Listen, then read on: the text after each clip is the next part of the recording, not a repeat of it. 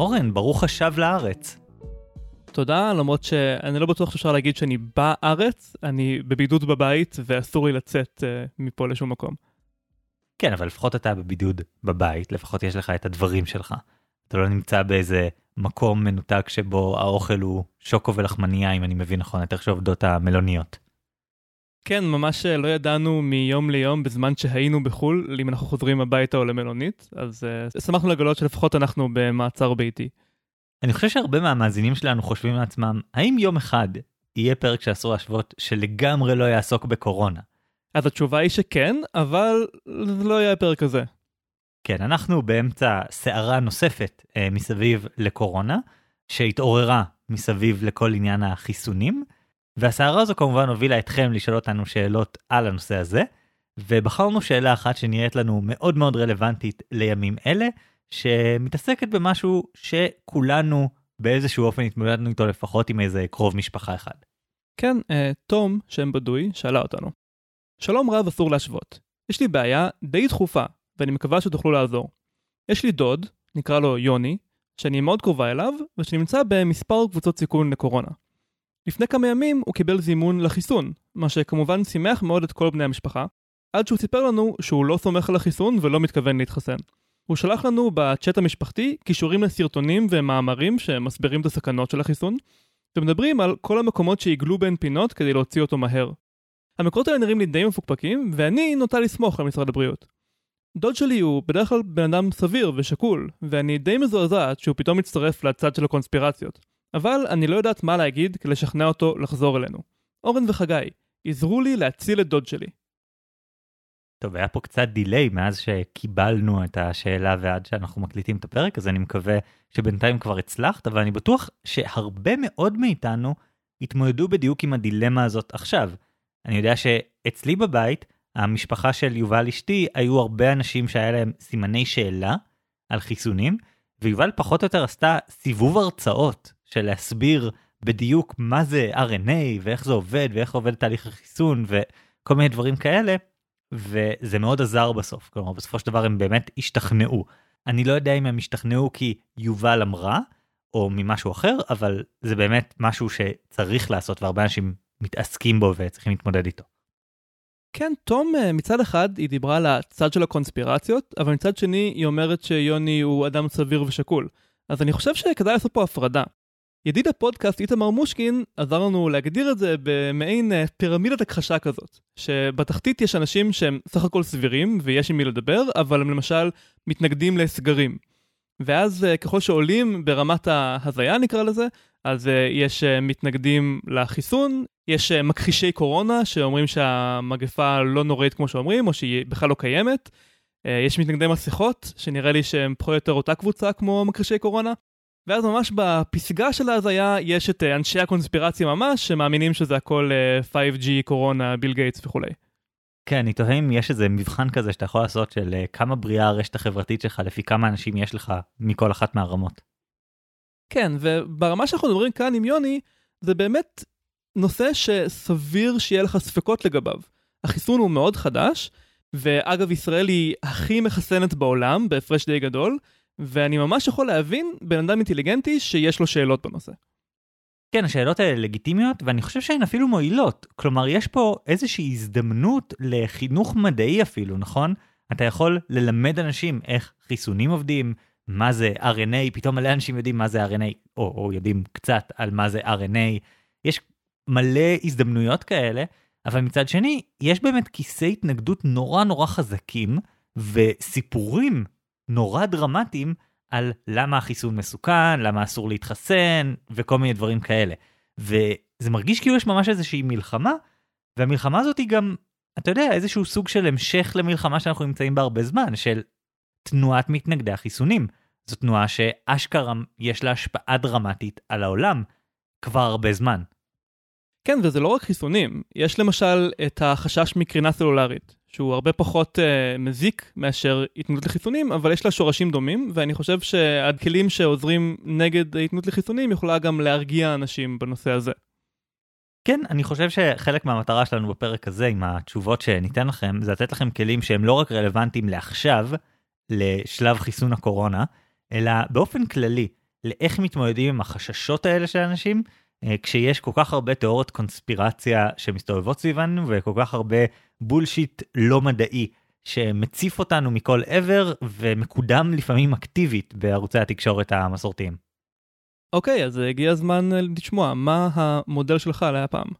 אוקיי, אז אני חושב שלשכנע מתנגדי חיסונים זה כמו הצבעת אי אמון. אוקיי, אני יכול לראות את, ה, את הקשר, אבל uh, תכף נסביר. לדעתי, להתנגד לחיסונים זה כמו לחשוב שהעולם מידרדר ולא משתפר. אני מסוגל לראות את הקורלציה האנושית בין שתי הקבוצות שחושבות את uh, שני הדברים האלה, אבל uh, אני רוצה לראות לאן אתה לוקח את זה. אז uh, בוא תתחיל אורן.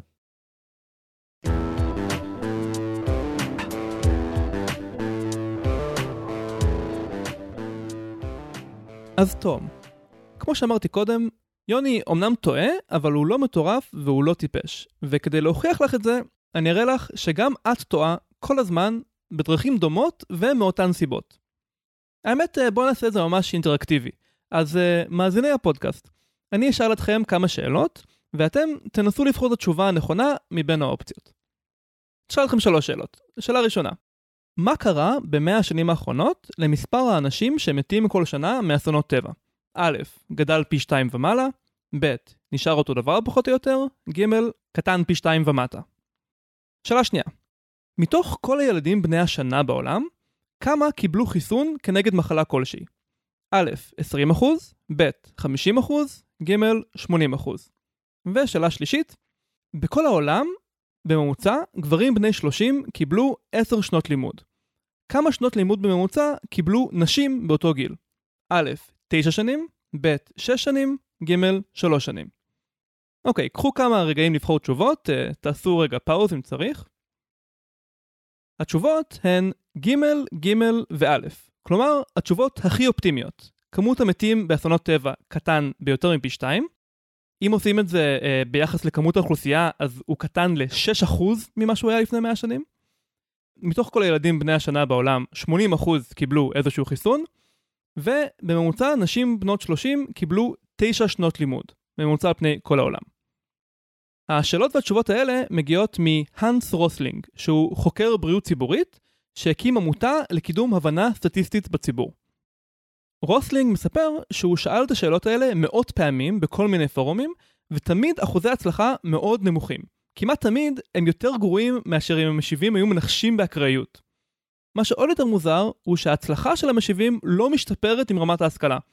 אפילו ברמה ממש גבוהה של מקבלי החלטות ברמה בינלאומית, אפילו זוכי פרס נובל. הם uh, באותה רמת הצלחה כמו אנשים uh, אקראיים ברחוב. אז מה קורה כאן? זה לא סתם בורות, זה משהו יותר חזק. זו תפיסת מציאות שהיא שגויה באופן שיטתי.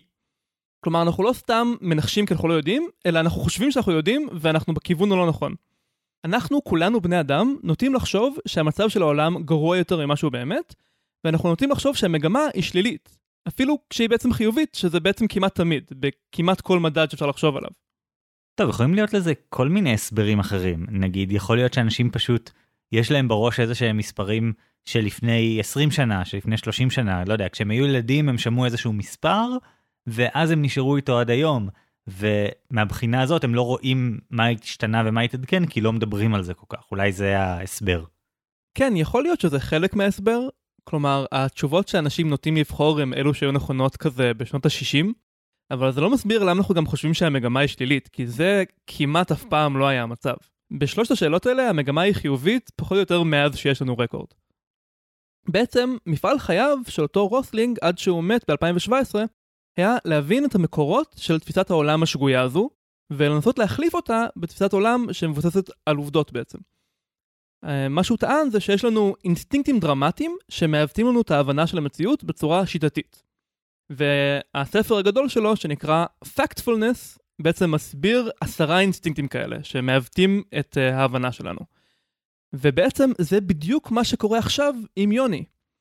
יוני מנסה להבין אם החיסון הזה הוא דבר טוב, והוא נופל לבדיוק אותם אינסטינקטים דרמטיים. ואז הוא מגיע באותו תהליך למסקנות שהן שגויות באופן שיטתי בצורה דומה למסקנות שכולנו הגענו להן בשאלות האלה. אז אני ממליץ בחום לקרוא את כל הספר, הוא באמת מספק את הסחורה של לתת לכם מבט שונה על כל העולם, שזה דבר די נדיר, והוא גם קריא וכיפי ואפילו לא כזה ארוך. אבל אנחנו כאן כדי לעזור לתום לשכנע את יוני.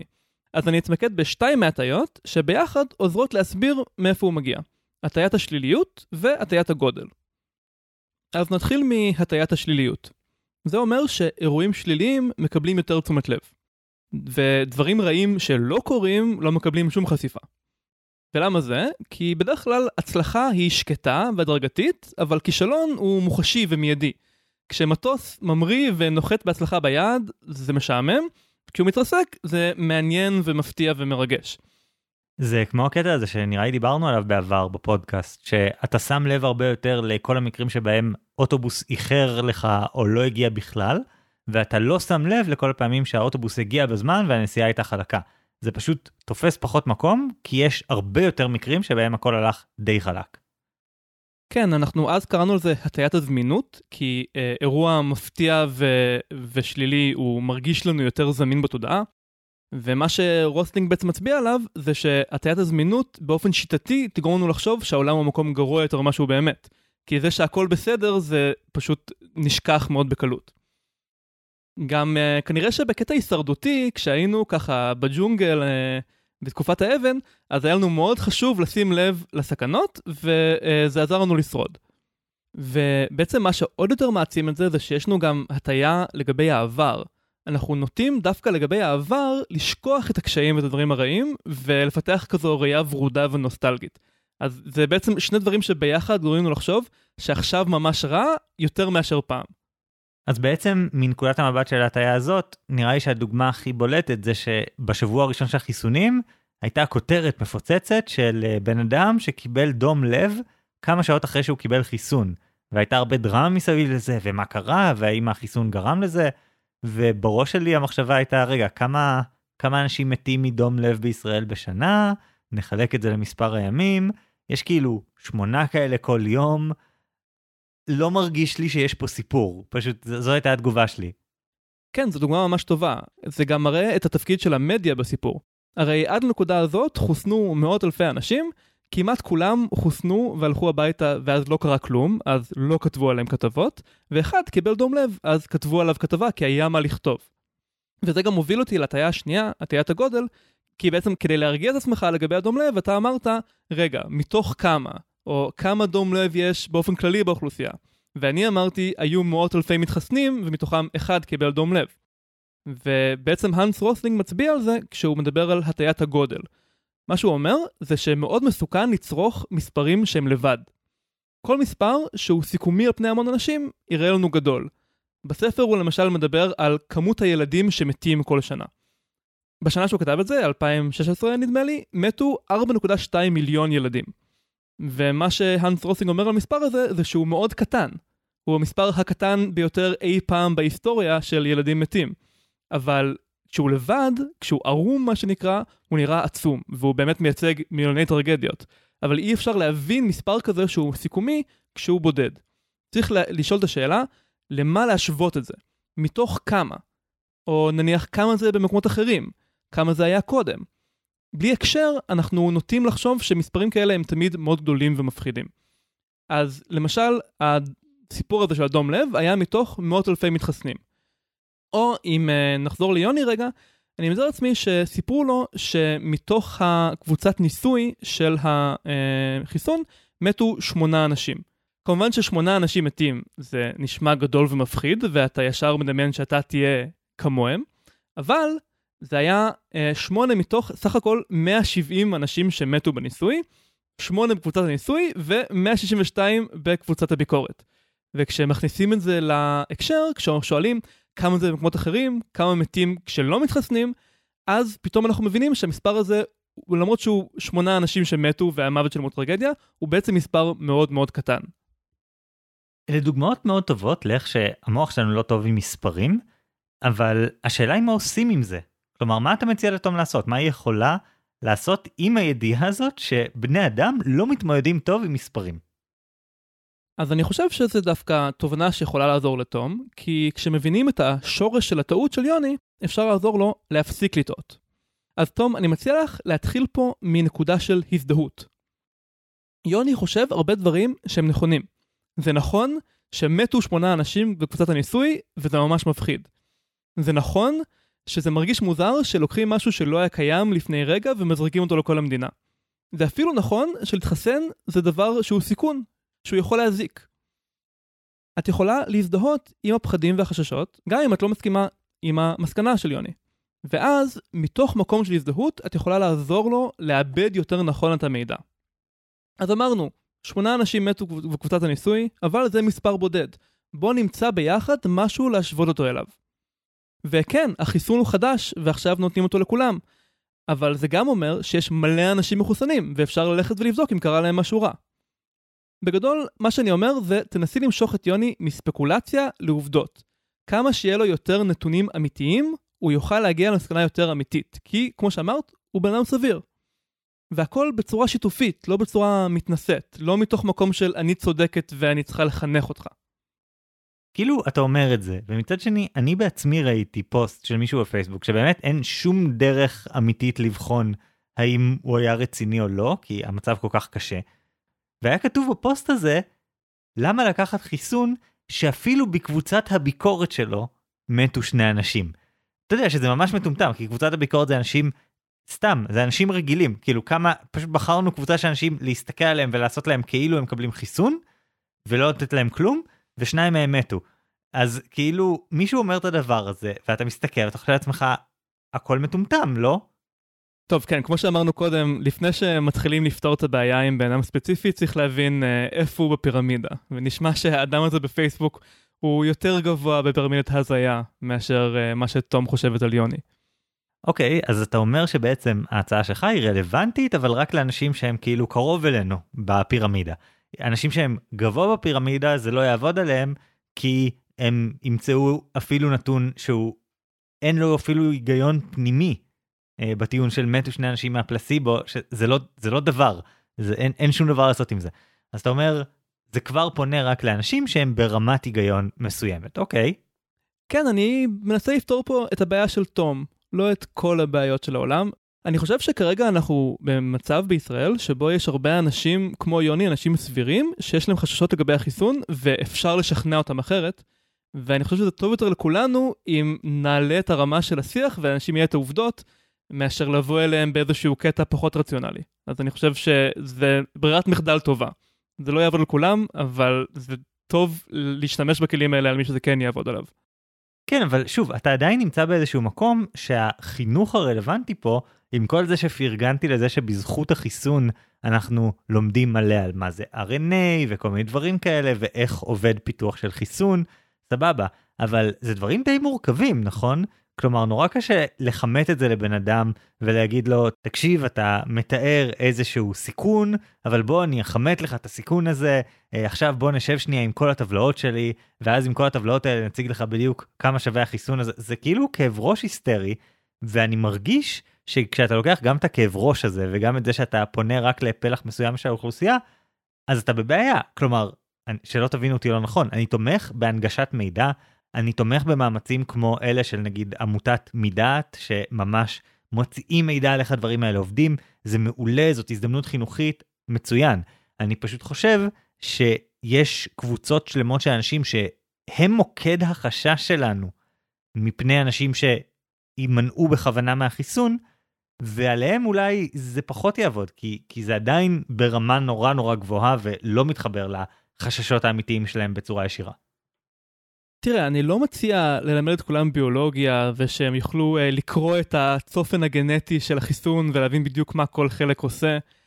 אני חושב שהרמת השכלה שאני מדבר עליה היא רמת השכלה כללית שהיא גם עוזרת מלא מקומות בחיים של להבין מספרים ולדעת לעכל אותם, לא לייצר אותם. למשל אמרתי קודם שהתחסן זה סיכון. עכשיו בואו ננסה לכמת את זה, בואו ננסה להצמיד לזה מספרים. כל דבר שאנחנו עושים הוא סיכון. כולל להסתובב בעולם ולא להתחסן. וסטטיסטיקאים, כשהם ניסו להסביר את הרעיון הזה לציבור הרחב, הם אה, פיתחו את המושג של מה שנקרא מיקרו-מורט, שזה מיליונית מוות. מיקרו-מורט אחד זה סיכוי של אחד למיליון למוות פתאומי. אז אפשר לכל מיני התרחשויות להצמיד סיכון שמנוסח כמיקרומורטים. אז למשל, צניחה חופשית אחת זה 7 מיקרומורט, סיכוי של 7 למיליון למות כתוצאה מהקפיצה הזאת.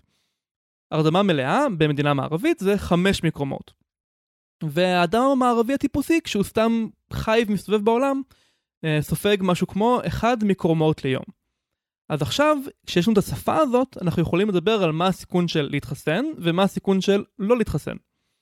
אז לא הצלחתי למצוא מספרים ספציפיים לגבי ישראל, אבל מצאתי כתבה של ניו יורק טיימס ממאי, שזה היה אז השיא של הקורונה, אבל מאז המצב השתפר והתדרדר בחזרה. בכל מקרה, הם חישבו שהסיכון של להסתובב בעיר ניו יורק באפריל 2020 היה 50 מיקרומורט ליום. כלומר, פי 50 מתקופה רגילה. אפילו פי 2 מלהיות חייל באפגניסטן בשיא של המלחמה שם. אז תום, אולי זו שפה שאת יכולה להסביר איתה את uh, ההשוואה בשביל יוני ולהגיד לו שההשוואה היא לא הסיכון של החיסון מול כלום, אלא הסיכון של החיסון מול הסיכון של המחלה. וזה הרמת uh, ידע שאני מדבר עליו, לא ידע ביולוגי, לא ידע ספציפי, אלא היכולת לקבל את המידע מהמומחים ולהבין את המשמעות. אבל חסר פה משהו, כן? אין לך את התשובה של כמה micromort זה החיסון. לפי מיטב ידיעתי, החיסון הוא לא משמעותית משנה את ה baseline micromort שלך, כלומר אתה עדיין נמצא באחד micromort ליום אחרי קבלת החיסון, בגדול. אולי טיפה יותר, כי לא יודע, כשכואבת לך היד אתה נוהג פחות טוב.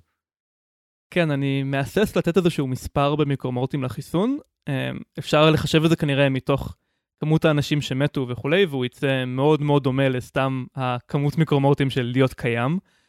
אבל ברגע שמשווים את זה ל-50 מיקרומורט ביום, במקום להשוות את זה לאיזשהו מצב דמיוני של לא עושים כלום ולכן אין סיכון, זה מאפשר לנו לקבל את ההחלטה בצורה יותר שקולה. מצד אחד אני לגמרי מבין למה אתה מתכוון כשאני נחשפתי פעם ראשונה לקונספט הזה של מיקרומורטים זה היה קונספט סופר מגניב שהוא ממש טוב בלהבהיר רמות סיכון של כל דבר שאנחנו עושים בחיים ולהבין כמה כמעט כל מה שאנחנו עושים בחיים הוא תכלס ממש ממש בטוח כאילו מלבד לנהוג וכאלה שזה דבר שאנחנו עושים המון והוא די מסוכן אבל עדיין יש פה איזושהי הנחה שאני לא כל כך מסכים איתה. אתה מדמיין איזה מציאות דמיונית כזאת מבחינתי. אתה מדמיין שיוני יושב שם, מאבד את כל המידע בעצמו, ומגיע למסקנות בעצמו, מגיע למסקנות מתוך שיקול מדויק ורציונלי של כל מה שהוא למד, אבל, אבל זה לא עובד ככה. יוני ישב שם בבית, הוא צפה בכמה סרטוני יוטיוב עם יותר מדי סימני קריאה בכותרת, שהם אה, מכרו לו נרטיב פשוט, ממש קל לעיכול, והוא אימץ את הנרטיב הזה. הוא צורך ומשתף את הדבר שארוז בצורה נורא נורא ברורה, שלא דורש ממנו להכיר איזשהו מושג מורכב של מוות למיליון או איזשהו משהו כזה. אם יוני היה במקום שהוא באמת עושה איזושהי חשיבה עצמאית, משקלל את הנתונים, מקשיב וכן הלאה, אז יש פה שני דברים. קודם כל, אם הוא באמת עושה את זה, אז הוא כנראה לא באמת בקבוצת סיכון אמיתית שאנחנו מנסים להתמודד איתה, קבוצת סיכון ל- להאמין לשקרים, כי הוא עושה תהליך מאוד רציני, הוא בטח קורא במידת ולא מתעלם מכל מה שהוא רואה שם, הוא בטח קורא ב, לא יודע, מכון דוידסון, הוא כאילו קורא חומרים רציניים על הדבר הזה, וכתוצאה מזה הוא יגיע למסקנות יותר נכונות. אבל אני חושב שכמעט בהגדרה אנחנו מתעסקים עם אנשים שקיבלו נרטיב סופר מושך שממש מפחיד אותם לגבי החיסון.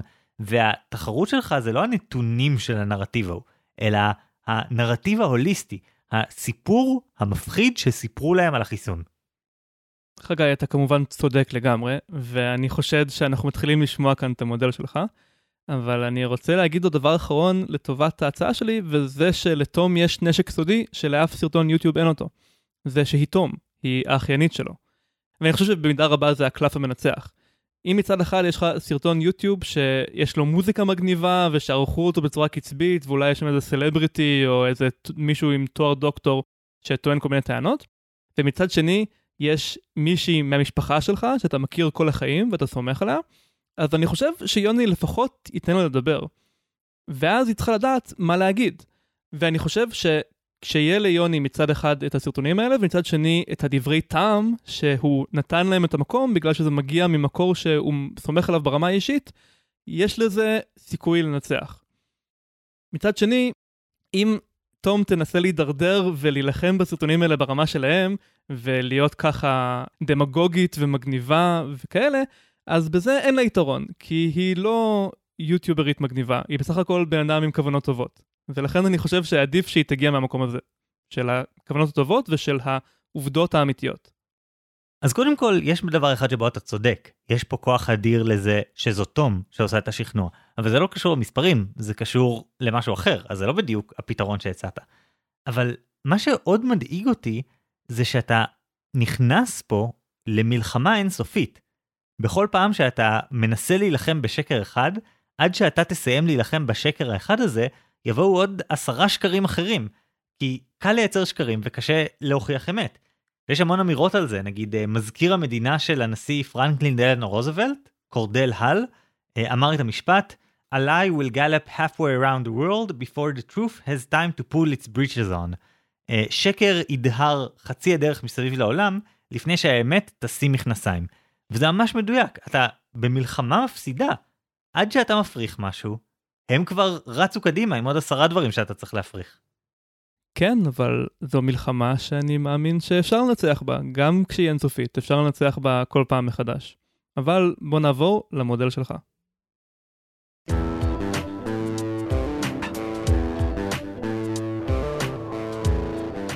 תום, אורן שם אותי במצב מאוד לא נעים פה. הוא נתן לך ארגז כלים שלם. הוא ממש שרטט את המסלול המדויק להבין את הטיעונים שיוני יכול להעלות מולך, אחד-אחד, ואז לפרק אותם אחד-אחד. הוא ממש מדגים איך לקחת את יוני ולפרק אותו לגמרי מכל הנשק שיש לו, מכל הטיעונים שיש לו נגד החיסונים. אבל הבעיה היא שזה פשוט לא מספיק. ואת יודעת למה זה דומה? זה דומה לאיך שעובדת הצבעת אי אמון בכנסת. עד לא מזמן, כשאנשים דמיינו לעצמם איך נראית הצבעת אי אמון, הייתה להם תמונה די ברורה של התהליך הזה בראש. יש הצבעת אי אמון, יש רוב בכנסת שמצביע נגד הממשלה, הממשלה מתפרקת, ואז או שמרכיבים ממשלה חלופית, או יותר סביר, הולכים לבחירות. ואז בבחירות האלה יש תוצאה, והתוצאה הזו מכתיבה את זהות הממשלה הבאה, שכנראה תהיה שונה באיזשהו אופן מהממשלה הקודמת. אבל קודם כל התפיסה הזו היא פשוט לא החוק. מאז שנת 2014 בישראל, הצעת אי אמון השתנתה למה שנקרא אי אמון קונסטרוקטיבי. זה אומר שכשמצביעים הצבעת אי אמון, אז לא רק מצביעים נגד הממשלה הקיימת ושולחים אותה הביתה או משהו כזה, אלא באותה הצבעה בדיוק מקימים כבר את הממשלה החלופית. כלומר צריך רוב שלא רק יצביע נגד הממשלה הנוכחית, אלא להצביע במפורש על מי הולך להחליף את הממשלה הנוכחית ולהחליף אותם. ואם זה לא עובד, הדרך היחידה של רוב בכנסת לפזר ממשלה, זה בהצבעה אחת בשנה, הצבעת התקציב. אם מפילים הצעת תקציב, שזה מה שראינו הרגע, אז הממשלה מתפזרת והולכת הביתה, הצעת אי אמון לא עושה את זה כבר. אבל גם לפני זה, וגם במקרים כמו המקרה הזה של אה, להפיל תקציב, זה לא שהצבעת אי אמון שלחה את הממשלה הביתה, בטח לא מיד. פעם, כשהצעת אי אמון הייתה עוברת, או כשתקציב לא היה עובר, מה שאנחנו רואים עכשיו, אז מה שזה היה עושה זה בדרך כלל הולכים לבחירות. ומה כולנו למדנו בשנתיים האחרונות? גילינו את הקונספט הנפלא הזה, שנקרא ממשלת מעבר, שזה תכלס די אותו דבר כמו ממשלה רגילה, עם כמה הבדלים קטנים. זו ממשלה שאין לה אמון של הכנסת, שלא קיבלה תמיכה של רוב חברי הכנסת, ועדיין מסתבר שהיא יכולה להמשיך לפעול, לקבוע מדיניות ואפילו להעביר חוקים מסוימים, לאורך הרבה מאוד זמן. בשני סבבי הבחירות האחרונים אפילו ראינו שהיה מצב שהיה רוב בכנסת נגד ממשלת המעבר שהייתה, ועדיין הממשלה הזו המשיכה לכהן, פשוט כי הרוב החלופי לא הצליח לגבש ממשלה משלו.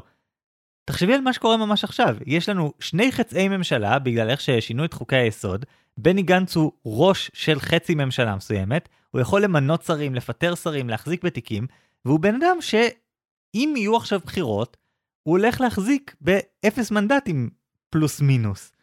וזה לא משנה, הוא שם, והוא ימשיך להישאר שם כשר הביטחון, עכשיו גם שר המשפטים, אולי גם שר לעוד כל מיני דברים, עד שתוקם ממשלה חלופית, כי ככה עובדת ממשלת מעבר.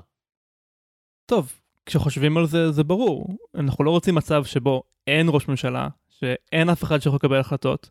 מה אם uh, יש אי אמון, אבל אז יש איזשהו משבר, חייבים לקבל החלטה מהר. ברור שמישהו חייב להיות מושב הנהג למקרה שצריך לפנות לאנשהו. זה כמו פעם, כשהמלך היה מת, ואז ישר היו מכריזים, המלך מת, יחי המלך החדש. כלומר, ישר הבן או היורש הוא המלך מאותה שנייה והלאה. אין איזה פער. בדיוק, בדיוק. זה, זה חלק מאותו הדבר.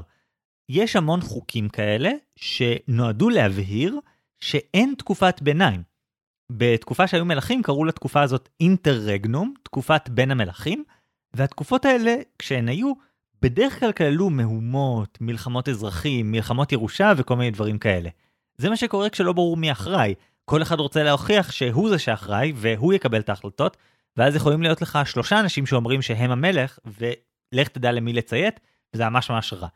כן, היה גם תקופה שהיו שני אפיפיורים, ולכן כל מי שחי באירופה היה מקולל לגיהנום על ידי אחד מהם, מאוד לא נעים. כן, ומאז למדנו את הלקח בגדול, וברוב המערכות יש ממש באופן ברור הגדרה של איך עובר הכוח ומתי, ואין תקופת מעבר. אין כאילו שלב שבו לא ברור מי אחראי. פה בארץ יש קצת יותר גמישות באיזשהו מקום, כי אם תחשוב על זה, אז נגיד, מה, מה ההחלטות הכי קריטיות בדרך כלל? אה, החלטות על ביטחון, צבא וכן הלאה. אז פה בארץ, מי שמופקד על הצבא, מי שמפקד על הצבא ונותן פקודות, זה הממשלה. אז אם קורה משהו לראש ממשלה, יש כל מיני דרכים להתמודד עם זה, הממשלה יכולה למנות מישהו אחר כראש ממשלה, יכולה לתת פקודות לצבא, יש פתרונות. אבל אם תלך למדינה כמו ארצות הברית, אז זה במצב ממש אחר. בארצות הברית יש בן אדם אחד, שהוא המפקד העליון של הצבא, זה הנשיא, ואף אחד לא יכול לעצור אותו, או להחליף אותו, או שום דבר. כל עוד הוא שם, אף אחד לא יכול לעשות משהו אחר, ויש פה איזשהו עניין שחייבים להגדיר מה קורה אם הנשיא לא יכול לקבל החלטות. אז כשכתבו את חוקת ארצות הברית, יצרו את התפקיד של סגן נשיא, ש-100%, טוב, 95% מהתפקיד שלו זה להיות נשיא גיבוי. Uh, למקרה שיקרה משהו לנשיא, אז יש לנו מישהו אחר שיחליף אותו בהגדרה לפי החוק. יש לו עוד ממש ממש מעט דברים לעשות, רק במצבי קצה שבהם יש אה, תיקו בסנאט, אבל לא ניכנס לזה. אבל אז קרו כמה פעמים בהיסטוריה שסגן נשיא הפך לנשיא בגלל שהנשיא מת לצורך העניין, והיו כל מיני סימני שאלה, מה עושים עכשיו? כאילו, לסגן נשיא שהפך לנשיא, לא אין סגן נשיא עכשיו, אז מה קורה? בשנות ה-60 של המאה ה-20 חוקקו את התיקון ה-25 לחוקת ארצות הברית שעושה כל מיני דברים, עכשיו הוא גם בכותרות, לא ניכנס לזה, אבל בהקשר הזה זה הגדיר כל מיני דברים כמו כשהנשיא יוצא מתפקידו, הוא מתפטר, נפטר, כל דבר כזה, אז סגן הנשיא הופך להיות בעצמו נשיא, הוא יכול למנות לעצמו סגן נשיא חדש בהתאם לקריטריונים שמוגדרים בחוקה, וגם חוקקו עוד כל מיני חוקים קשורים מסביב לזה, כדי להגדיר מה קורה אחר כך, כאילו מה קורה אם גם הנשיא וסגן הנשיא לא יכולים למלא את התפקיד, הם מתים או משהו כזה, אז מגדירים שאז זה עובר ליושבת ראש בית הנבחרים, ואז לנשיא הזמני של הסנאט, ואז למזכיר המדינה וכן הלאה. כלומר, עשו מערכת חקיקתית מלאה, שממש מגדירה מה קורה בכל שלב כדי ממש למנוע כל אפשרות לזה שלא נדע מי, מי הנשיא כרגע, מי מקבל החלטות כרגע. יש אפילו קטע כזה, שבנאום השנתי של הנשיא לקונגרס, נאום מצב האומה, שזה נאום שמגיעים אליו כל בכירי הממשל, אז משאירים את אחד השרים במקום אחר, למקרה שלא יודע, מישהו יפציץ את הבניין, ואז כל שרשרת הירושה הזאת תמות, וצריך שיהיה מישהו אחד שבוודאות יוכל לכהן כנשיא. וקוראים לזה designated survivor, השורד המיועד. טוב חגי, אני מבין שזה נושא שהוא ממש uh, מטריד אותך בזמן האחרון עם כל הסובבי בחירות והכל, אבל בואו בכל זאת ננסה uh, לחזור לבעיה של תום. וואו, אוקיי, uh, כן, קצת איבדתי את עצמי כי יש הרבה דרמה, יש לנו גם את התיקון 25, לא משנה. תום, מה הקשר? בואי uh, ניקח את זה קדימה. התשובה היא שבעצם מה שאורן הסביר לך בחלק שלו, זה סוג של איך לנצח בהצבעת אי אמון. אבל זו בעיה, כי זה לא מספיק. מסתבר שכשאנחנו מסתכלים על איך שהמוח שלנו עובד, הוא לא יודע להתמודד טוב עם ואקום, כשאין שם רעיון לצורך העניין. אז זה לא מספיק לסתור רעיון, צריך גם להציג איזושהי חלופה. כי בדיוק כמו עם ממשלה, אי אפשר לשלוח את הממשלה הביתה ופשוט לחכות, כשאין שם אף אחד. תמיד יהיה מישהו, ובראש שלנו תמיד יהיה איזשהו רעיון שבו אנחנו מאמינים. אף פעם לא נהיה לגמרי חסרי אמונות לגבי איזשהו מצב בעולם. זה בעצם ויכוח מאוד עתיק על איך אנחנו כבני אדם מתמודדים עם שלילה. עם זה שאנחנו מקבלים איזשהו מידע, אנחנו קולטים מידע, המידע הזה לא נכון, ואנחנו צריכים לשלול אותו ולא להאמין לו. הפילוסוף רנה דקארט האמין שיש הפרדה בין הבנה לבין אמונה. שאנחנו מבינים מידע חדש, ואז אנחנו בוחנים אותו, ואם יש לנו טיעונים בעד, אנחנו מקבלים, ואם יש לנו טיעונים נגד, אז אנחנו דוחים, אבל זה נפרד, זה שני תהליכים נפרדים. אבל באותה תקופה היה פילוסוף אחר, ברוך שפינוזה, שחשב משהו אחר. הוא חשב שאין הפרדה בין להבין לבין להאמין, וזה אומר שברגע שאתה מבין איזושהי פיסת מידע, אתה אוטומטית מאמין לה, ואם צריך, למשל אם יש סתירה עם עובדות אחרות שאתה יודע, אז אתה מבטל את האמונה הזאת שהייתה קודם, אבל תמיד יש אמונה קודם. בשנת 1993, החוקרים דניאל גילברט, רומין טפרודי ופטריק מלון בדקו את הנושא הזה בדיוק, והגיעו למסקנה שהמודל של שפינוזה מדויק יותר. זה דורש מאיתנו מאמץ קוגניטיבי אמיתי כדי לבטל את האמונה שלנו במידע שגוי, ואם מפריעים לנו, אם מבלבלים אותנו או משהו כזה, אז כל מידע חדש שנכנס לנו לראש הוא מקוטלג כמידע אמיתי. כי כשאין לנו את המשאבים הקוגניטיביים, אנחנו ממש ממש לא שוללים.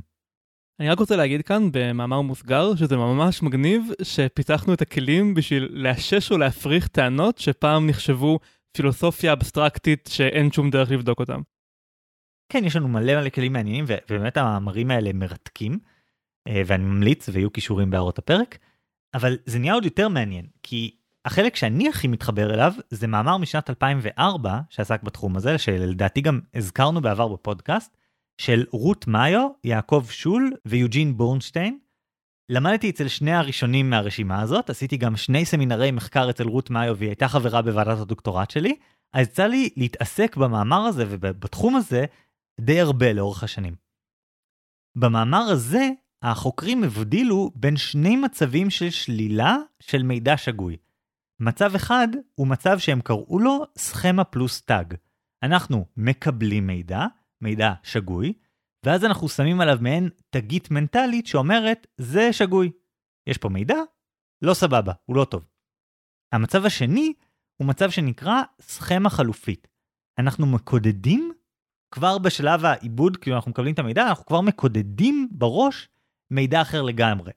עכשיו, אני אהפוך את זה ליותר ברור עם הדוגמה הקלאסית שהם נותנים כל הזמן.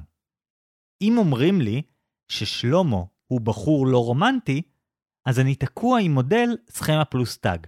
אני מדמיין פרחים ושם עליהם X, אני מדמיין לבבות ושם עליהם X, כל התודעה שלי מתמלאת בדימויים של אהבה, ויש לי תגית שאומרת לא כזה, זה לא נכון.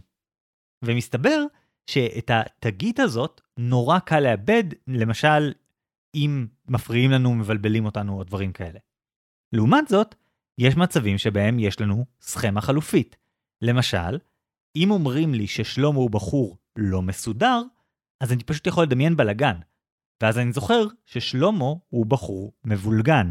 יש פה סכמה חלופית, והיא דוחקת החוצה את הדימויים הבעייתיים שיגרמו לי לזכור את הדבר הלא נכון. אז בעצם מה שאתה אומר זה שאני רק מציע דרכים לשים טאג שאומר לא נכון על האמונות השגויות של יוני. ובעצם זה לא מספיק טוב, אתה אומר, כי יש לו כבר את האמונות שהוא מחזיק אותן, ואז אני שם עליהם את הטאג, אבל מה שיקרה זה שהטאג ילך לאיבוד והאמונות יישארו. בדיוק. ברגע האמת, עם לחץ חברתי, עם חרדה גוברת, עם סתם עוד מידע מפחיד שהולך להגיע, התגית הזאת תלך לאיבוד מאוד מאוד בקלות, וזה אם בכלל שמעתי את הטיעונים שלך והבנתי אותם, כי כשיש לנו עמדה מאוד חזקה כמו חיסונים זה מסוכן, מאוד סביר שאנחנו פשוט נתעלם מכל טענה שסותרת את העמדה הזאת. כלומר, ברגע שאתה תבוא ותיתן לי איזשהו נתון, אני אוטומטית אניח שהנתון שלך הוא לא נכון. כי יש לי סכמה חלופית לנתון שאתה מביא לי. יש לי את התמונה בראש של חיסונים זה מסוכן. אוקיי, okay, אבל הבאת כאן את הדוגמה של לא רומנטי, כלומר לא מסודר, של אה, לא רומנטי אין לנו דימוי ספציפי, אבל לא מסודר זה מבולגן. אבל כאן יש לנו את הדימוי של חיסונים זה מסוכן. ואני לא בטוח מה אפשר להגיד כנגד זה חוץ מחיסונים זה לא מסוכן, שזו בעצם האמת. כאילו, אין לי תמונה בראש של חיסון שלא הורג אותי. אני פשוט מתחסן ואז ממשיך בחיים הרגילים שלי, זה לא ממש זמין, כמו שאמרתי קודם, אז מה עושים? אז תראה, זה לא דבר חדש, בדקו את זה. בדקו והוכיחו אה, שטיעונים שסותרים את, לצורך העניין, המחקרים שמראים קשר בין חיסונים לאוטיזם, לא משפרים משמעותית את האמונות של האנשים ואת העדפות שלהם לגבי החיסון MMR, שהוא זה שנאמר בשקר שהוא גורם באיזשהו אופן לאוטיזם. אה, בשנת 2015 התפרסם מאמר של החוקרים זכרי הורן, דרק פאוול, ג'ון המל וקיף הוליואק, שבדק בדיוק את השאלה הזאת. אז קודם כל הם שחזרו את הממצא שהרבה חוקרים מצאו לפניהם, שפשוט זה שמספקים לאנשים מידע שמפריך את הטענות של מתנגדי חיסונים, לא יוצר עמדות חיוביות יותר כלפי חיסונים. מי שהתנגד קודם ממשיך להתנגד אחר כך, מי שתמך קודם ממשיך לתמוך אחר כך, זה לא משפיע. אבל מה כן עבד? לספר לאנשים כמה המחלות הרלוונטיות, במקרה של חיסון MMR זה חצבת, חזרת ואדמת, כמה המחלות האלה הן מחלות מפחידות, כולל תמונות ומה הסימפטומים וכל הדברים האלה. והדבר הזה כן גרם לשיפור משמעותי בעמדות של אנשים כלפי חיסונים. למה? כי במקום שהמלחמה תהיה בין נרטיב חיסונים זה מסוכן ומר, אה, בעצם הצגתי משהו אחר. חיסונים זה מסוכן, לעומת חצבת זה מסוכן. אדמת זה מסוכן, חזרת זה מסוכן. עכשיו, אתה קצת אה, גנבת לי את זה במודל שלך, כי מיקרומורט בעצם אומר, אל תתעסק בלשכנע אנשים שהחיסון בטוח. תתעסק בלשכנע אותם שהמחלה מסוכנת. כי כשהתחרות היא בין החיסון שאולי יש איזשהו סיכון בו ואולי לא, לבין מחלה שאני יודע בדיוק מה הנזק שלה, הנזק הבריאותי, הנזק הכלכלי, סגרים, לא לראות את המשפחה, לא לראות את החברים, כשזאת תהיה התחרות, אז זה כבר לא משנה. אתה כבר לא תהיה בתחרות ישירה מול הרעיון של חיסונים זה מסוכן. אתה תהיה בתחרות בין פחד המחלה לבין הפחד היותר קטן משמעותית של החיסונים. טוב, אני לא קראתי את המאמרים האלה, אז אני לא יודע, אבל זה נשמע כאילו הם מתעסקים באנשים שהם מתנגדי חיסונים, שזה חלק מהזהות שלהם בעצם. אז אני חושב שיוני הוא לא בדיוק כזה. יוני הוא בן אדם ששמע על החיסון ויש לו כל מיני ספקות ושאלות, אבל החיסון הזה הוא חדש מדי בשביל שמתנגד חיסון קורונה יהיה מרכיב גדול בזהות של אנשים. אלא אם כן הם כבר uh, פלופים מראש כמובן. ולכן אני חושב שאתה מציע כאן תותחים כבדים על מטרה שלאו דווקא מצדיקה את זה. יש לי אמון שיוני, שתום מאמינה שהוא יקשיב לה, באמת אפשר לשכנע אותו בכלים שבו אני רוצה להגיד שאני ואתה השתכנענו שהחיסון הוא בסדר, ולא צריך לעשות כל מיני דרכים עוקפות. תראה, במאמר הזה של אה, הורן ושותפיו, באמת אה, יש איזשהו ממצא שם, שככל שהעמדות שלך כלפי חיסונים היו יותר שליליות, ככה האפקט הזה היה יותר uh, חזק. כלומר, להשתמש בהפחדה לגבי המחלות עובד יותר טוב, ככל שמלכתחילה היית יותר נגד חיסונים.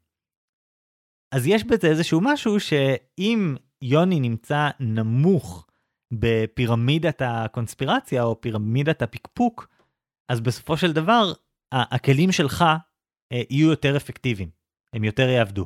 למרות שלא בדקו את זה במפורש, וברור שגם זה לא בדיוק אה, מדד כמה אנשים פלופים, אלא רק כמה אמון יש להם כלפי חיסונים.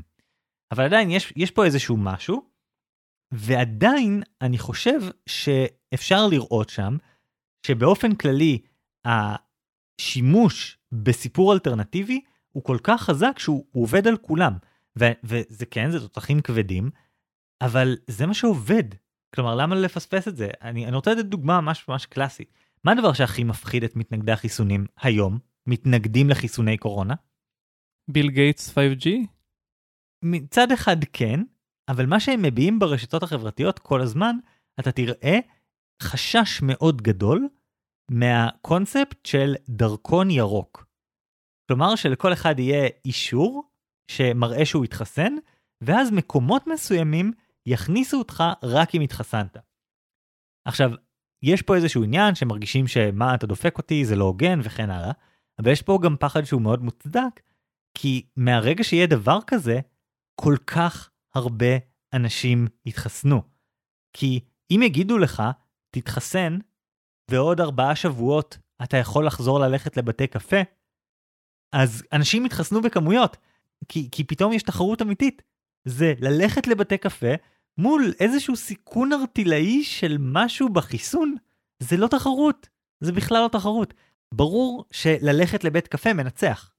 טוב, כן, אבל זה כבר משהו שהוא לא בשליטה של תום, זה בשליטה של המדינה, להחליט אם הוא הולך לתת לנו איזשהו תמריץ חזק שאולי יגבור על השיקול דעת האישי שלנו לכאן או לכאן.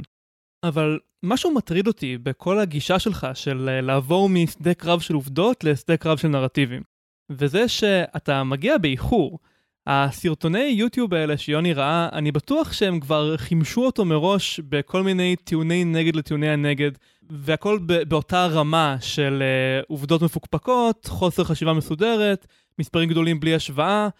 כמו שהבדיחה אומרת, אל תנסה להתווכח עם אידיוט, הוא יוריד אותך לרמה שלו, ואז ינצח אותך כי יש לו יותר ניסיון שם. ואני חושב שתום יכולה לנצח רק אם היא תעביר את הדיון לרמה שבה יש לה את היתרון, ולא תישאר ברמה הירודה הזאת של הנרטיבים. אז זהו, אני לא חושב. אני חושב שהרמה שיש ביתרון לתום, זה הרמה של הנרטיבים בהקשר של מחלה, שהמחלה מפחידה. אני אסביר. ברמה של החיסון מסוכן, הנרטיב של תום הוא נרטיב חלש, כי הנרטיב החיסון לא מסוכן הוא פשוט נרטיב חלש. עכשיו אפשר ללכת לנרטיב אחר קצת במקום הזה, כמו החיסון זה ממש אחלה. כלומר, החיסון ככרטיס כניסה לחיים נורמליים כמו לפני שנה. אוקיי, זאת כבר אה, איזושהי התקדמות. אבל עדיין כאן אנחנו במלחמת נרטיבים. מסוכן לעומת מועיל. בוא נעלה רמה אחת למעלה, בוא נעלה לרמה של המחלה, וכאן יש יתרון בזה שתום פשוט בצד הנכון. מכיוון שאנחנו יודעים שהחיסון ממש לא מסוכן, והמחלה מאוד מסוכנת, אז הנרטיב של נזקי הקורונה הוא בהגדרה נרטיב יותר חזק. ואז כשתום לוקחת את המלחמה אל המקום של הנרטיב הזה, בום, תום נמצאת עכשיו במקום שבו הנרטיב שלה יותר חזק. וככה היא יכולה לגרור את, ה, את כל הדיון הזה למקום שבו יש לה יתרון מובהק.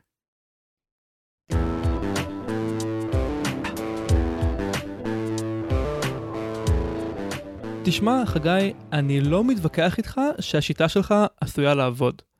אני לגמרי מסכים שנרטיבים זה דבר מאוד חזק, ואני בטח לא יכול להתווכח עם המחקרים של אנשים שאתה מכיר אישית, שהוכיחו שזה הדרך שבה אפשר לשכנע אנשים, ובפרט מתנגדי חיסונים.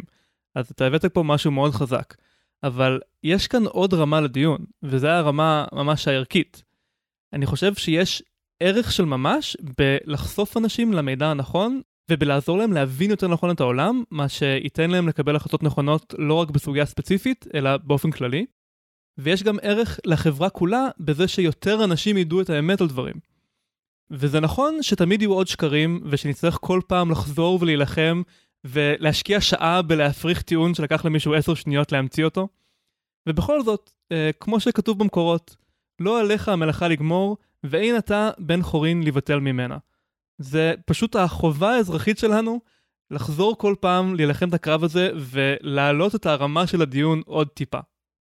טוב, ממש אה, שמת אותי בפינה עם המשפט הזה שאני מאוד מתחבר אליו ומאוד מחבב אותו, שיש לנו את החובה הזאת. ואני גם אגיד שבאיזשהו מקום אני מסכים שהגרסה שלך, ההצעה שלך יותר שיתופית, ובמקום שבו יש לך את הקשב של אנשים, וכשזה קרוב משפחה, יש לזה איזשהו ערך.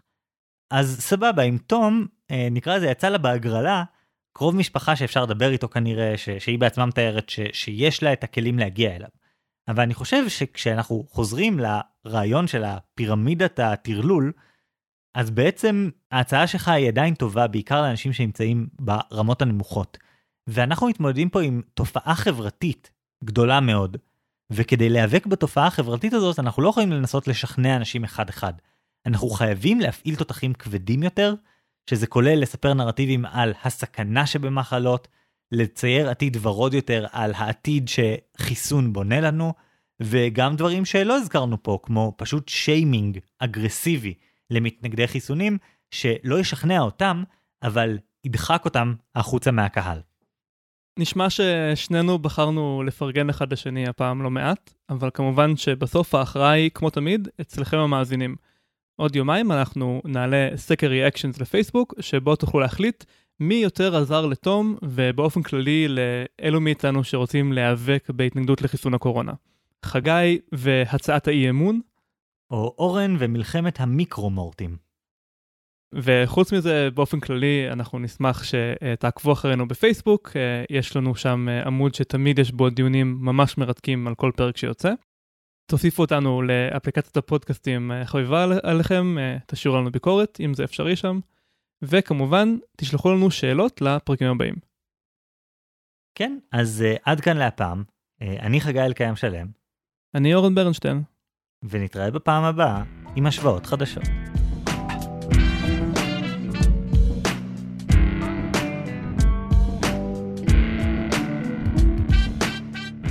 טוב, עבר קצת יותר זמן מהרגיל מאז הפרק הקודם, אז uh, נזכיר לכם רגע שדיברנו על לרגל בפייסבוק לפני דייט ראשון. Uh, אני טענתי שלרגל בפייסבוק זה כמו טבעונות, כי זה תחליף למשהו שאיבדנו, שזה הרכילות בקהילה, ולכן uh, מותר לרגל עד לרמה של מה שהיית שומע ממכר משותף. ואני אמרתי שלרגל בפייסבוק זה משהו שכולם עושים, ולכן צריך לאמץ פה מדיניות עמימות. שבה כולם יודעים שכולם עושים את זה, אבל פשוט לא מדברים. לא להציג שזה קורה, אה, להימנע מלהודות בזה. כן, וחגי ניצח בסקר 62% ל-38%, מה שאומר שאתם כולכם בעד שקרים והסתרות. או שאתם בעד אה, חברה שבה את הכביסה המלוכלכת מקבסים בתוך הבית. בכל מקרה, יש לנו הרבה תגובות מעניינות. אה, אז בחרנו כמה תגובות נבחרות, נתחיל מהתגובה של אדווה. אני רואה איך ניתן במהלך דייט ראשון לספר שהצצת קצת לדייט שלך בפייסבוק, ושזה יהיה רגע חמוד ומצחיק שבו שניכם תכירו בכך שזה דבר קצת מביך שכולם עושים, וזה בסדר. זו אפילו יכולה להיות שבירת קרח עם מעט מאוד סיכון. הגישה של חגי לא מכירה באפשרות הזו, כי לפיה צריך להסתיר כל חיטוט, לא משנה כמה הוא מינימלי. זה כמו להודות אחד בפני השני שאתם קצת לחוצים מהדייט למשל. יש בזה משהו מרגיע ומלכד שהופך את הסיטואציה לפחות מרוחקת ורשמית. אני חושב שאדווה מסכימה איתך שזה כן משהו להיות נבוך ממנו, שאני דווקא טענתי שלא, אבל היא אומרת שקצת מבוכה זה יכול קצת להוסיף אפילו לדייט. כן, אני חושב שזה אולי בתוך המודל שלי דבר שלא צריך לשמור לגביו עמימות, כלומר אם זה באיזושהי רמה בסיסית כזאת. בהרבה מהתגובות, נראה לי שהמכנה המשותף זה כמה רחוק הלכת עם זה. יש דברים שגם אם עשית אותם, וגם אם כולם עושים אותם, צריך להסתיר, ויש דברים שאפשר לגמרי לחשוף, כמו, אה, ah, כן, ראיתי שאת אוהבת דברים מסוימים. כן, וגם ידיד הפודקאסט איתמר מושקין כתב משהו דומה. הוא בעצם השווה בין המודל שלי הפעם למודל שלי מפרק קודם, שבו אמרתי שלשמור על קשר מרחוק זה כמו בריטניה ואמריקה אה, במהפכה האמריקאית. שבמקום לנסות אה, להמשיך להתנהג כאילו המצב הישן עדיין תקף, צריך להתאים את עצמנו לתנאים החדשים.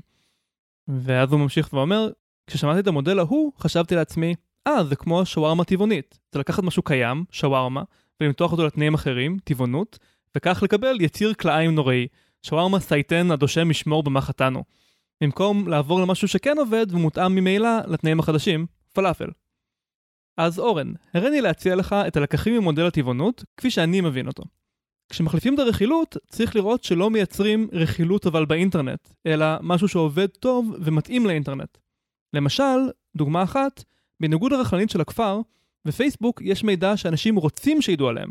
למשל, אם הבחור בפייסבוק כותב שהוא אוהב מטאל, אתה יכול להיות בטוח שהוא רוצה שידעו את זה וישמח לדבר על להקות שהוא אוהב. כן, זה ממש נכון, זה גם מתחבר למה שכתב אה, יוני לוי.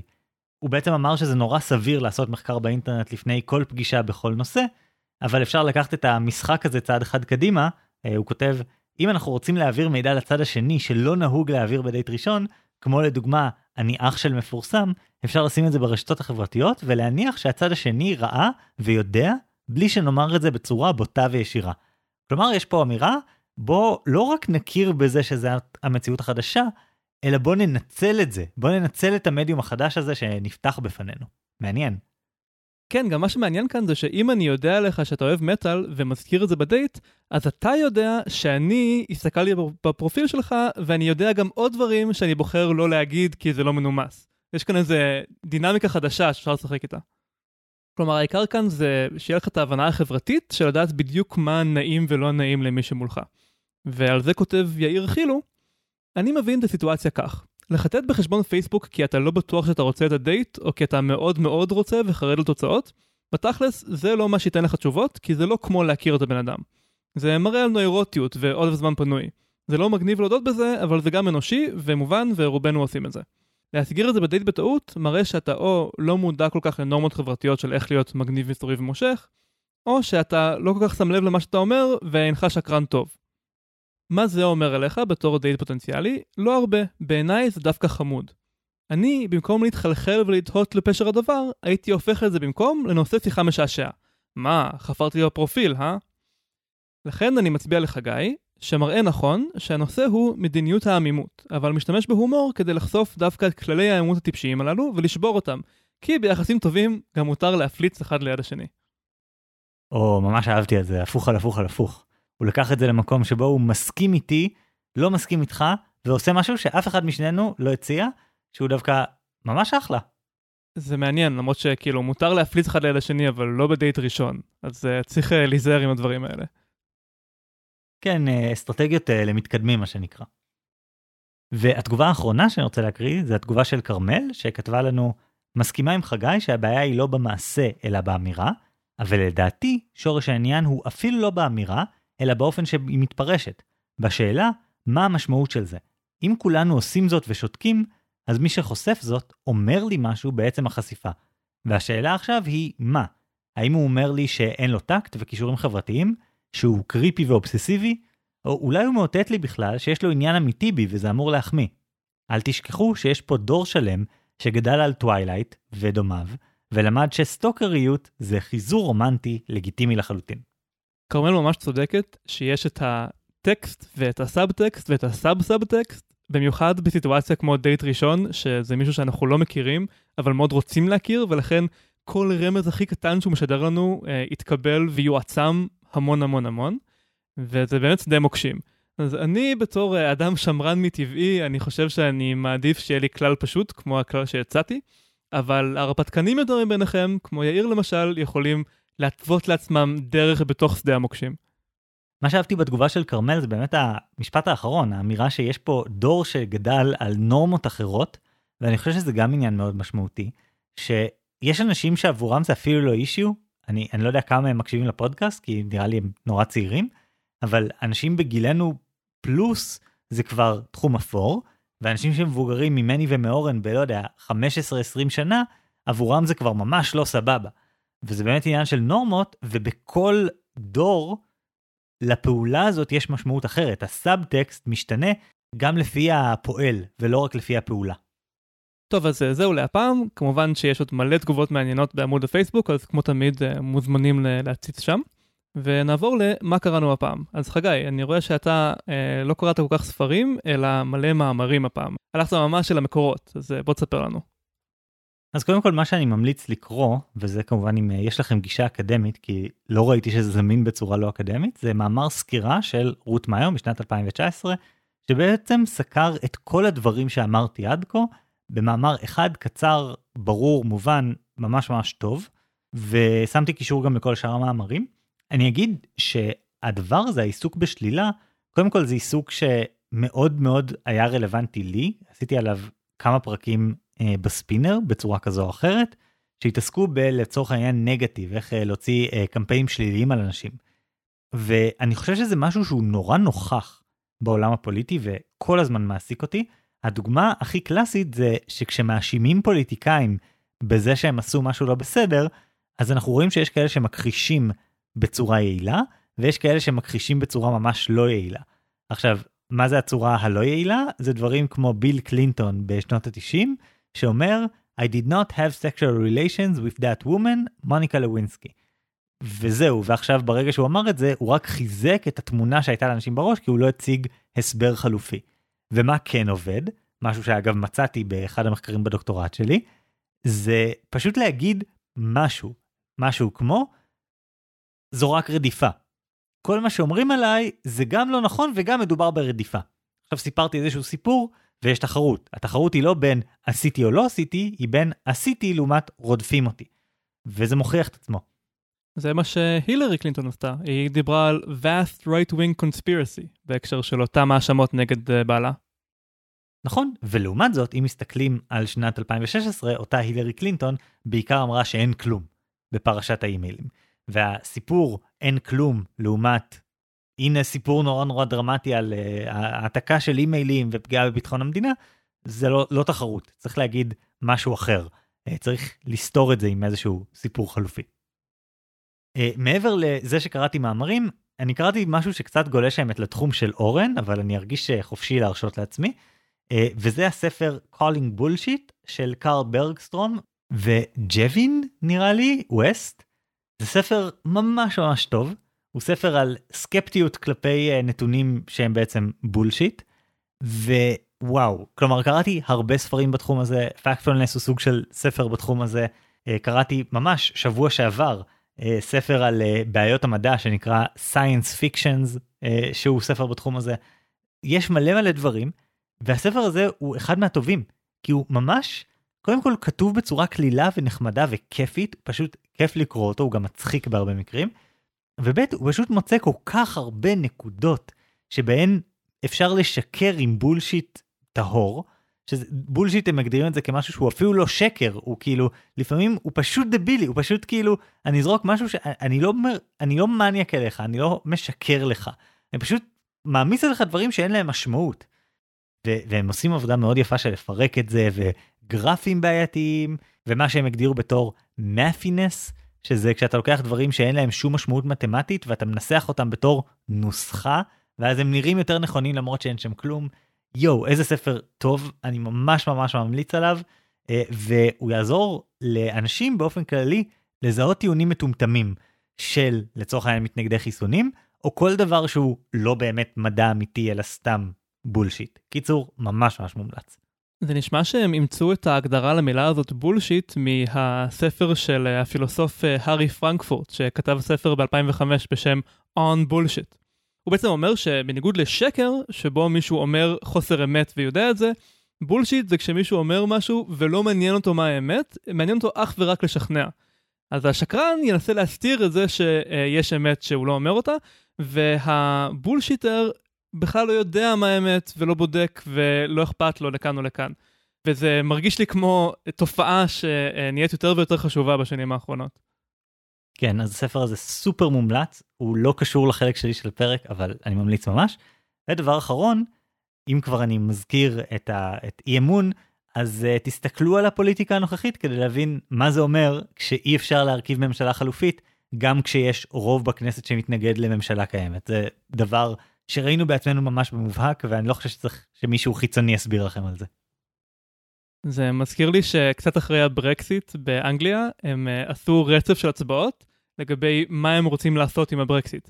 האם הם רוצים מה שנקרא hard brexit, או soft brexit, או משאל עם שני, או לשכוח מכל העניין, והיה רוב גדול בפרלמנט נגד כל ארבעת האופציות, למרות שאחד מהם חייב לקרות. כן, זה הבעיה, שלילה לבד לא עובדת, אני מקווה ש, שהבהרתי את זה מאוד uh, בפרק הזה. אבל בכל מקרה, אורן, מה אתה קראת? כמו שהזכרתי, הספר העיקרי שקראתי הפעם הוא Factfulness, שזה הספר של האנס רוסלינג, שהוא בעצם סוג של מפעל חייו, כי uh, הוא מת זמן קצר לפני uh, סיום כתיבת הספר, ובעצם עבד עליו יחד עם הבן שלו ואשתו של הבן שלו, שביחד סיימו את הספר. וזה באמת אחד הספרים שהכי מתאימים לאנשים שאוהבים את הפודקאסט הזה, כי זה באמת לוקח את מה שאתם יודעים על העולם ושם עליו זווית חדשה ועוזר לכם להבין סוג של הכל בצורה אחרת. אולי לא הכל, אבל להבין מחדש את ההיסטוריה של העולם ואת מה שאתם שומעים שקורה במדינות אחרות, וכל מיני טיעונים כאלה ששומעים ביומיום, כמו הדברים כרגע ממש גרועים, אה, העולם מידרדר, פעם היה נחמד יותר, או אה, אפילו דברים כמו האפריקנים האלה בחיים לא יוכלו לחיות כמונו כי התרבות שלהם לא מתאימה לזה. הספר ממש לוקח את הרעיונות האלה שאני חושב שהם מאוד נפוצים ומפרק אותם בצורה מאוד יסודית וגם נותן להם תחליף, כמו שחגי אוהב להגיד, וזה מה שנקרא factfulness. כלומר, לכו לעובדות. אה, גם אחד הדברים שהוא אומר שמאוד אהבתי, זה שאם נושא נראה לכם חשוב, הדבר הראשון והכי דחוף לעשות לגביו, זה לאסוף מידע בצורה מסודרת. ומלא פעמים מדלגים על השלב הזה, והולכים ישר מהנושא הזה חשוב, לבוא נעשה את הדבר הספציפי הזה, זה בטח יעזור, בלי לעבור בחלק של מה קורה פה, ומה האפשרויות, ומה הדבר הנכון לעשות. הרבה דברים אה, ממש נשארו איתי מהספר הזה, כמו נראה לי הדבר שהכי הרבה אנשים שקראו אותו זוכרים, העניין של לחלק את העולם לארבע רמות הכנסה שונות, אה, כדרך להבין כמה המצב משתפר. והוא בעצם מגדיר אה, רמה אחת זה אנשים שחיים על אה, פחות משני דולר ליום, רמה שתיים אנשים שחיים על 2 עד 8 דולר ביום, רמה שלוש אנשים שחיים על 8 עד 32 דולר ליום, ורמה 4 אנשים שחיים על יותר מ-32 דולר ליום. אה, ובעצם אנחנו נמצאים באיזשהו מצב שיותר ויותר ארצות בעולם עוברות משלב אחד, היום רוב הארצות בעולם נמצאות בין רמה 2 לרמה 3, ולעקוב אחרי מה קורה בהקשר הזה, זה ממש דרך להבין כמה העולם משתפר. אבל כאילו, זה הפרק הראשון, זה ממש כאילו ההתחלה של ההתחלה של ספר שמלא בעוד ועוד פרטים קטנים ומאוד מאוד חשובים ומשמעותיים ותרגילי חשיבה ממש ממש מעניינים. כן, אגב, 32 דולר ביום זה הרבה פחות משכר מינימום בארץ. זאת אומרת, כל מי שמועסק בארץ הוא בקטגוריה הכי עשירה בעולם. אז סתם משהו לקחת בחשבון כשאתם חושבים על איך העולם נראה. בערך מיליארד אנשים בעולם ברמה הזאת, מתוך 7 פלוס מיליארד שיש. ואני גם רוצה לציין שזה ספר ממש כיפי לקריאה, ממש קולח, מלא סיפורים אישיים מעניינים ומצחיקים של, אה, של האנס רוסלינג. אני ממליץ עליו ממש בהכי הרבה המלצה שיש לי. חוץ מזה, לגבי החיסון עצמו, לא כל כך דיברתי על זה בפרק, אבל אני רוצה להמליץ על כתבה ממש מגניבה שמצאתי, שעובר לחיסון של פייזר ומנתח אותו אות אחרי אות. הזכרתי בפרק שלא צריך להבין את החיסון אות אחרי אות כדי להבין שהוא טוב, אבל אם אתם רוצים להבין אותו אות אחרי אות, אז אפשר, וזה ממש מעניין. זה גם, בתור מתכנת, הכל היה נשמע לי ממש מוכר, כי יש כזה את ההדר שמסביר מאיפה הקוד מגיע, אבל אנחנו משקרים שם כדי שהגוף יאמין לנו שזה קוד שמגיע מהגרעין של התו ולא ממקום אחר, ואז כל מיני טריקים כדי שהמערכת החיסונית לא תהרוס את החיסון עצמו, ושזה יודפס בצורה יעילה יותר, ממש ממש מגניב. קראתי את הדבר הזה, או לפחות חלק ממנו, זה, ממש פוצץ לי את המוח. הדבר האחרון שאמרת, כלומר, שבקוד של החיסון, אחת מהאותיות בקוד של ה-RNA היא אות שלא תואמת את איך ש-RNA בדרך כלל נראה. כלומר, יש אות אחת שמורכבת מחומצות אמינו שהן לא בדיוק מה שאני לא מבין בזה. אבל זה לא עובד כמו איך ש-RNA בדרך כלל עובד, וזה אומר שהמערכת החיסונית לא הולכת לתפוס את זה ולזהות את זה כרכיב זר, כי אין שם את הסממנים של RNA, אבל כשזה מגיע לתוך התא, אז זה כן אפשר ליצור לפי זה חלבונים, ומצד שני זה נורא מדאיג, מה אם וירוסים ילמדו לעשות את אותו הדבר, אז אל דאגה, האות הזאת אי אפשר לייצר אותה בגוף, זה מדהים, זה כאילו mind blowing. כמה הדבר הזה הוא, הוא הפוך על הפוך עם הגוף שלנו, וזה, זה מרתק, זה ממש כתבה ש, שמדהים בכלל שניתן לעשות אותה, כי הרי הקוד של החיסון הוא, הוא פתוח כרגע, הוא זמין באינטרנט, אז מדהים. כן, אני אהבתי במיוחד שהם החליפו איזה שש אותיות בין הקוד של הווירוס לבין הקוד של החיסון, וזה כדי להחליף את איך שבונים את הבסיס של ה spike של הקורונה, כדי שהוא ייראה כמו spike למרות שהוא לא מחובר לווירוס. כאילו זה נותן לו כזה בסיס קשיח במקום בסיס גמיש, כדי שישמור לצורה שלו. ממש מטורף. כן, וזהו להפעם. אז אה, אני אורן ברנשטיין. אני חגי אלקיים שלם. ביי.